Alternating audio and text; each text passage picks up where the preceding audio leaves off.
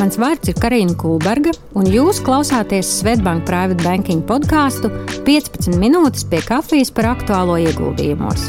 Kopā ar maniem kolēģiem apspriedīsim karstākos nedēļas notikumus finanšu tirgos un labklājības veidošanas tēmās. Ik nedēļu kompaktā un nepiespiestā 15 minūšu sarunā. Klausieties mūsu podkāstu Spotify Svetbank Private Banking kontā, spiediet follow un zvani ikonu, lai nepalaistu garām jaunākās sarunas. Lai labi skan un uz tikšanos! Labdien mūsu klientiem! Prieks tikties šodien jau mūsu astotajā podkāstu epizodē. Tiekamies šodien, 22. jūnijā, īsi pirms līgodienas, un šodien par tēmu esam izvēlējušies parunāt par tādu super plaši pielietotu terminu pēdējo nedēļu laikā. Apskatot gandrīz visus ziņu virsrakstus, mēs redzam, nu īpaši tiem, kas seko līdz finanšu tirgiem, runas par buļļu un lāču tirgiem. Pēdējās nedēļās pievienojuši tādu savu artavu, tam ir arī Elonas Masks kas teica, ka šim lāču tirgumam, kas šobrīd šeit eksistē, ir liela iespējamība novest mūs līdz recesijai. Kā zinām no mūsu iepriekšējiem podkāstiem, tad Varens Buffets saka, ka viņš vispār ne, nu, nemēģina taimot tirgu un neskatīties, kas konkrēti notiek tajā dienā vai tajā brīdī finanšu tirgos. Bet savukārt šonadēļ Bank of America saka, ka vēl ir palikuši vien daži mēneši šī brīža lāču tirgu, un tad jau atkal sāksies buļļu tirgus. Lai šajā visā diskusijā norientētos un saprastu, kas tad īsti tas lāču tirgus ir, ko tas sola, vai tas kādreiz vispār ir iepriekš arī tāds bijis. Šodien ar savu kolēģi Mārtiņu Purgēlu. Čau, Mārtiņ! Čau! Parunāsim par to, ko tas viss īsti nozīmē un kad šādi iepriekš ir bijuši šādi līdzīgi cikli un līdzīgi e, tirgi.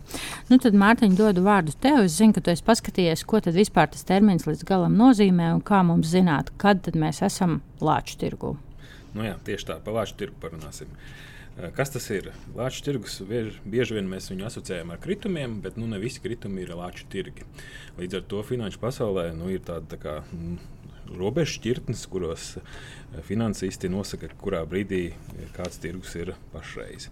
Un kā jau pieminēji, Karina, pašreiz mēs visi runājam par lāču tirgu, ir arī buļļu tirgus un ir arī tāda termina kā korekcija. Par tiem es arī šodien droši vien izklāstīšu detalizētāk.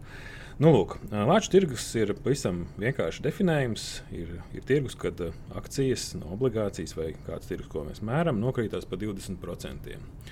Mēs varētu arī pielikt klāt, ka nu, bieži finansisti skatās arī termiņā, kad tas ir noticis varbūt mē, vairāk mēnešu garumā, bet nu, kopumā, ja mēs skatītos ieguldījumus tādā plašā tirgu, kas ir ASV Eiropa, tad noteikti 20% tirgus kritums ir uzskatāms par lāču tirgu. Uh, kā mēs interpretējam to, droši vien tas ir vissvarīgākais. Un kāpēc vispār ir ieviesti šie termini? Nu, pavisam vienkārši, lai neskaidrotu, kurā brīdī, cik daudz kas ir kritis vai cik liela problemātika ekonomikā un finanšu tirgos, ir, ir, ir, ir šie nosaukumi. Nu, pasakot, ka esam Lāču tirgus teritorijā, tad nu, jābūt skaidrībai, ka esam pietiekami lielā kritumā.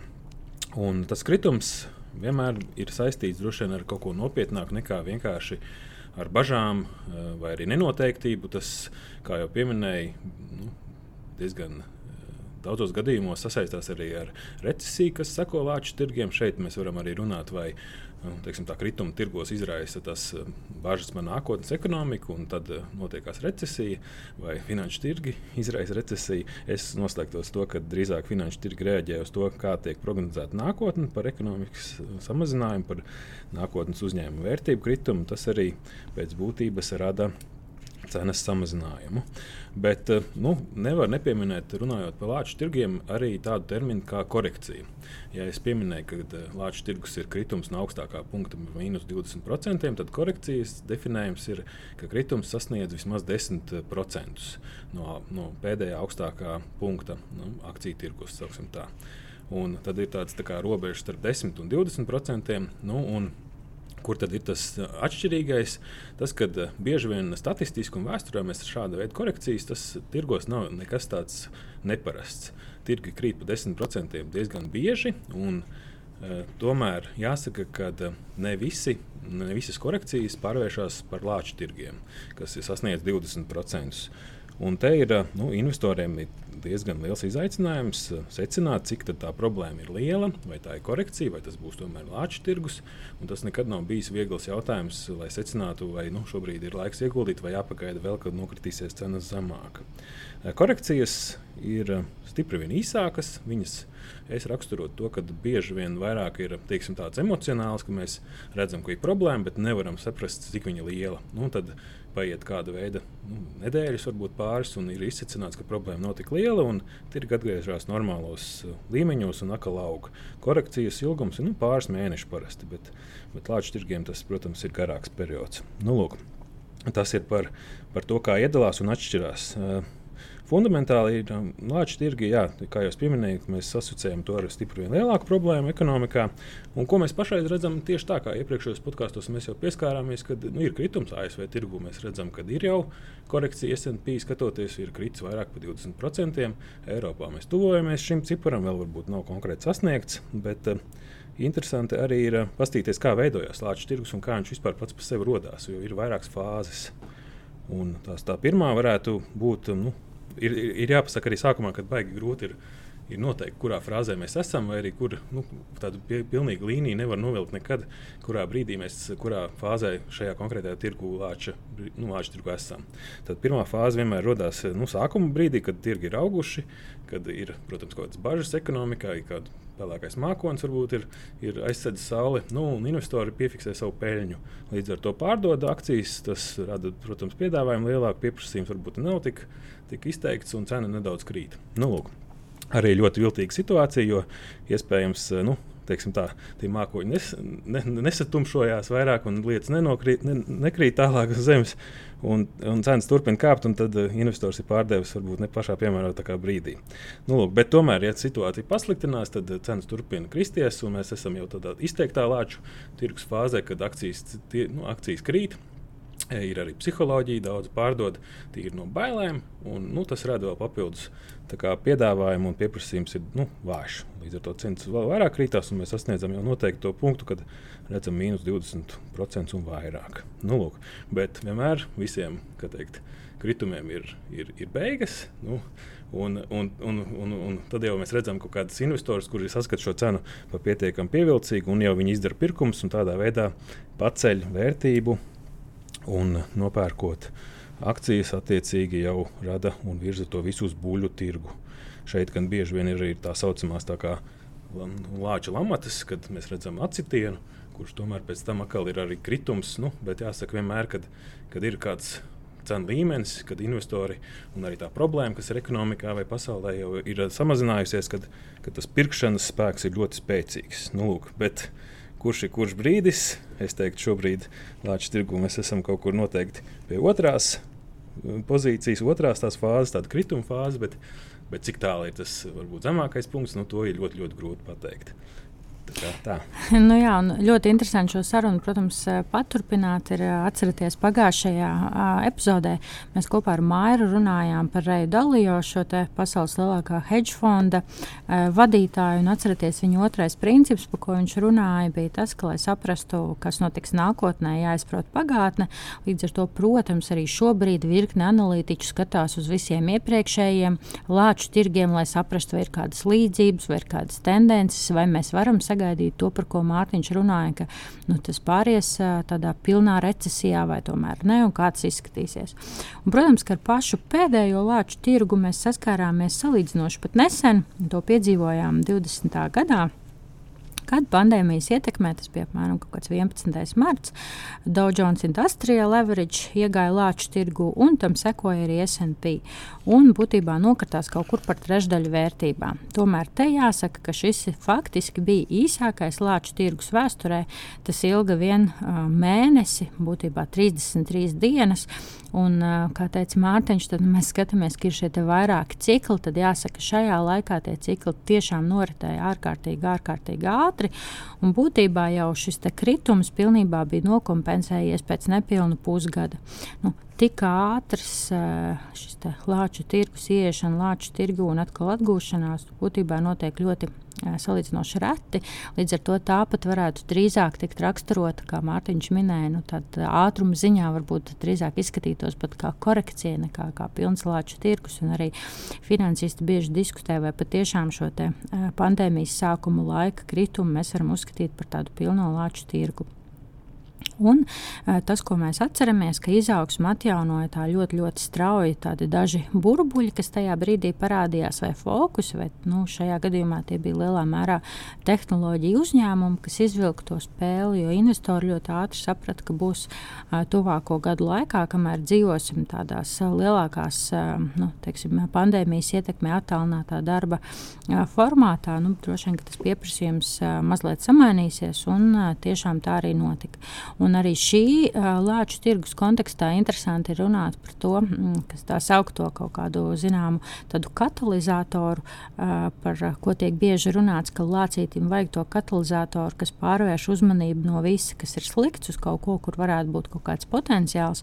Jāsaka, ka 20. gada martā tas droši vien pilnīgi noteikti bija tehnoloģija uzņēmuma akcijas, kur mēs redzējām, ka investori saskatīja tur pietiekami lielu potenciālu un, jāteic, lielā mērā arī tās bija kriptovalūtas valūtas, kur tajā brīdī centrālajām bankām drukājot naudu, daudziem investoriem radās priekšstats, ka iespējams ka tas ir tas glābiņš, kaut kas, uz ko vajadzētu vairāk fokusēt uzmanību. Bet, ja mēs vērtējam no tādām klientu kurpēm, tad jāsaka tā, ka daudziem klientiem tas 20. gada pavasaris bija tāds, kad noteikti bija jā, nu, lielā mērā jādarbojas lielā ātrumā ar saviem uzņēmumiem, jāpārstruktūrē darbība. Un bija virkne kaut kādu klientu, domāju, kas gluži pat varētu teikt, nemaz nepamanīja to, cik strauji tirgus gan nokritās, gan pēc tam arī atguvās. Tomēr jāsaka, ka tie, kas šo momentu izmantoja, protams, bija ārkārtīgi priecīgi, jo tā atgūšanās, kā jau minēju, bija ļoti, ļoti ātra. Bet nu, mēs, kā, protams, lielākais private banking, kurš nākamgad svinēs arī jau 25 gadu jubileju, šis nebija vienīgais tāds kritums vai lāču tirgus, ko piedzīvojām. Mārtiņa, varbūt pastāsti, kādas bija tās sajūtas 2008. un 2009. gadā, kad tas tirgus kritums bija tomēr arī pietiekami liels un tirgus neatguvās tik ātri kā pirms diviem gadiem. Jā, un tas arī droši vien daudziem ieguldītājiem ir atmiņā. Un, un es teiktu, arī nu, centrālām bankām un valdībām šis kritums un tas sāpīgais moments, kas vispār bija ekonomikā, ir, ir, ir radījis tādu baigo bijību pret to, ka nu, ir, ir jāpalīdz ekonomikai, jā, jāstimulē. Kas toreiz bija? Toreiz bija nu, stipri ļoti liela nenoteiktība. Mēs runājam par finanšu krīzi, kad uh, mēs nezinājām, kurā bankā kur ir cik liels problēmas. Un tad nu, teiksim, tā banķieri savstarpēji skatījās ar ļoti greizu acu viens uz otru, cik liela tā problēma vai arī tie problemātiskie kredīti ir tavā organizācijā. Vai, nu, Un, un, eh, tas arī radīja vienu no tiem lielākiem kritumiem. Tas arī ir droši vien nu, pēdējo, pēdējo, pēdējo laiku lielākais eh, lāču tirgus dziļākais, bija kritums pār 50%. Un, un tas radīja noteikti nu, atšķirīgu varbūt tādu pieredzi kas arī mainījusi pēc tam to desmit gadu ieguldītājiem. Jo, ja mēs skatāmies, kad eh, nu, tagad mēs skatāmies un vienmēr arī pēc, pēc 11 gadiem pieminam finanšu krīzi, nu, tas ir ļoti dziļi iespiedies mūsu atmiņā. Arī mēs varam sasaukties ar to, ka ekonomiskais cikls ir bijis garāks, varbūt dēļ pateicoties tik lielām problēmām, kādas bija 8. gadā. Bet, ja mēs skatāmies no ieguldītāju puses, tad lāču tirgus bija dziļš Viņš bija vairāk mēnešu garumā, bet noteikti ir, bija virkne klientu, kas savus līdzekļus, ja bija pareizi saplānojuši, tieši izvietoja tirgos kāpuma periodā un guva nu, ļoti labas peļņas. Uh, sasaucoties kopā arī par nu, varbūt, klientiem un investoriem, kas bija ieguldījuši un arī uh, saņēmuši šādu kritumu savos portfeļos, jāsaka, kad uh, toreiz, protams, viss, viss bija ļoti augstās cenās, gan nekustamais īpašums. Uh, jāņem arī šis konteksts. Uh, ja vērā skatoties uz, uz šo krīzi. Bet nu, pozitīvais vienmēr ir tāds, ka pēc jebkura vācu tirgus nāk buļbuļs tirgus. Šeit gan mēs nevaram to vizualizēt, bet nu, grafiskos vienmēr buļbuļu tirgi ir garāki un tas ienesīgums ir stipri, stipri vien augstāks. Nu, jā, un finālā vēl nevar nepieminēt vēl vienu no iepriekšējiem lāču tirgus periodiem, un tas bija dotcom burbulis uh, 2000. gadā. Kāpēc? Jo Fortune arī uh, Fortune žurnāls un, un, un pu publicisti ir salīdzinājuši šo, šī, nu, šo brīdi, šo momentu arī ar to dotcom krīzi. Un kāpēc? Uh, dēļ tā fenomena, ka šobrīd, līdzīgi kā tas bija dotcom burbuļu laikā, tas, ko redzējām pēdējos gados, kad ir aizvien pieaugušāka interese interese no individuālajiem investoriem ienāk finanšu tirgos. Un, uh, lielā mērā jāsaka tā, ka tā proporcija no tā, nu, cik, cik viņi piedalās akciju tirzniecībā, piemēram, ASV ir bijusi šobrīd vēsturiski augstākajos līmeņos, tie ir 25% jau no apgrozījuma, ko veido šo, šie individuālie investori salīdzinājumā ar institucionālajiem. Nu, tas ir uh, dubultojies apjoms pēdējo desmit gadu laikā. Un, uh, protams, kad brīdī, kad mēs visi sēdējām mājās, izskatās, ka daudziem varbūt ienākumi nemaz tik ļoti, ļoti nesamazinājās, bet uh, patēriņš kritās īpaši pandēmijas laikā. Nu, tad interese arī par ieguldījumiem finanšu tirgiem, protams, pieauga. Kāpēc Fortune to salīdzina ar 2000. gadu? Lāču, lāču tirgu un dotkomu burbuli. Tā vienkāršā iemesla pēc, ka arī toreiz bija izveidojušies kaut kādi nu, tie sauktie uh, fi, tehnoloģiju uzņēmumi, tādi sweethearts vai iecienītie uzņēmumi, kuros šis individuālais investors vēlējās ieguldīt. Bet, nu, protams, pēc burbuļu plīšanas izrādījās, ka ne visi no šiem formātiem, ne visi no šiem uzņēmumiem patiešām um, ienes tik labus rezultātus. Fortune arī tādam salīdzinājumam pieminējis nu, tādu līdzību, piemēram, piemēram, ar šī brīža trenižieru ražotāju pelotonu, kuram ļoti, ļoti ilgstoši rezultāti faktiski bija mīnusos, tā sauktajos sarkanajos ciparos, un tomēr investori ilgi turpināja ticēt, nu, pirms piedzīvoja kritumu. Bet visvairāk to līdzību viņi savalk kopā ar kriptoaktīviem, kuri, protams, arī tieši pēdējo nedēļu laikā ir piedzīvojuši ļoti, ļoti lielas korekcijas. Uh, vien tas, kas vēl te ir vērts atzīmēt, to, ka nu, šodienas krīzē salīdzinājumā vai šodien uh, salīdzinājumā ar 2000. gadu, tas, ko Amerikā viņi jau novēro, ir pietiekami liels spiediens uz uh, mājokļu vērtībām, mēs jau ar Mārtiņu uh, sastajā podkāstā runājām arī par to, nu, ka redzam dažādas tendences gan Amerikas kopumā tirzniecības jomā, gan arī šajā mājokļu tirgu, nu, kas vēsta par to, ka tā ekonomika atdziest pietiekami ātri. Uh, bet, kā jau Mārtiņš minēja, tad, protams, pēc katra lāču tirga nāk buļļu tirgus. Buļļu tirgi kopumā ir salīdzinoši uh, stipri ilgāki. Uh, protams, ka mēs visi, droši vien aktīvi investori, vēlamies atrast to piemērotāko laiku, uh, lai šajā lāču tirgu notaimotu, atrastu iespējams zemāko brīdi un tad iegādātos, uh, iegādātos kaut kādus finanšu instrumentus. Redzam, ka to arī šobrīd mēģina izdarīt arī mūsu klienti.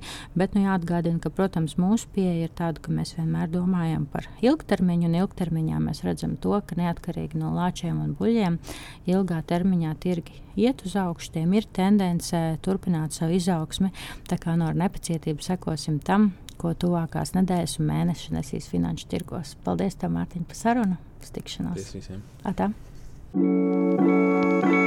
Audio saturā dzirdētā informācija nav uzskatāms par ieguldījumu konsultāciju vai ieteikumu slēgt finanšu tirgus darījumus vai ieguldīt finanšu instrumentos. Paldies, ka noklausījāties mūsu sarunu šodien.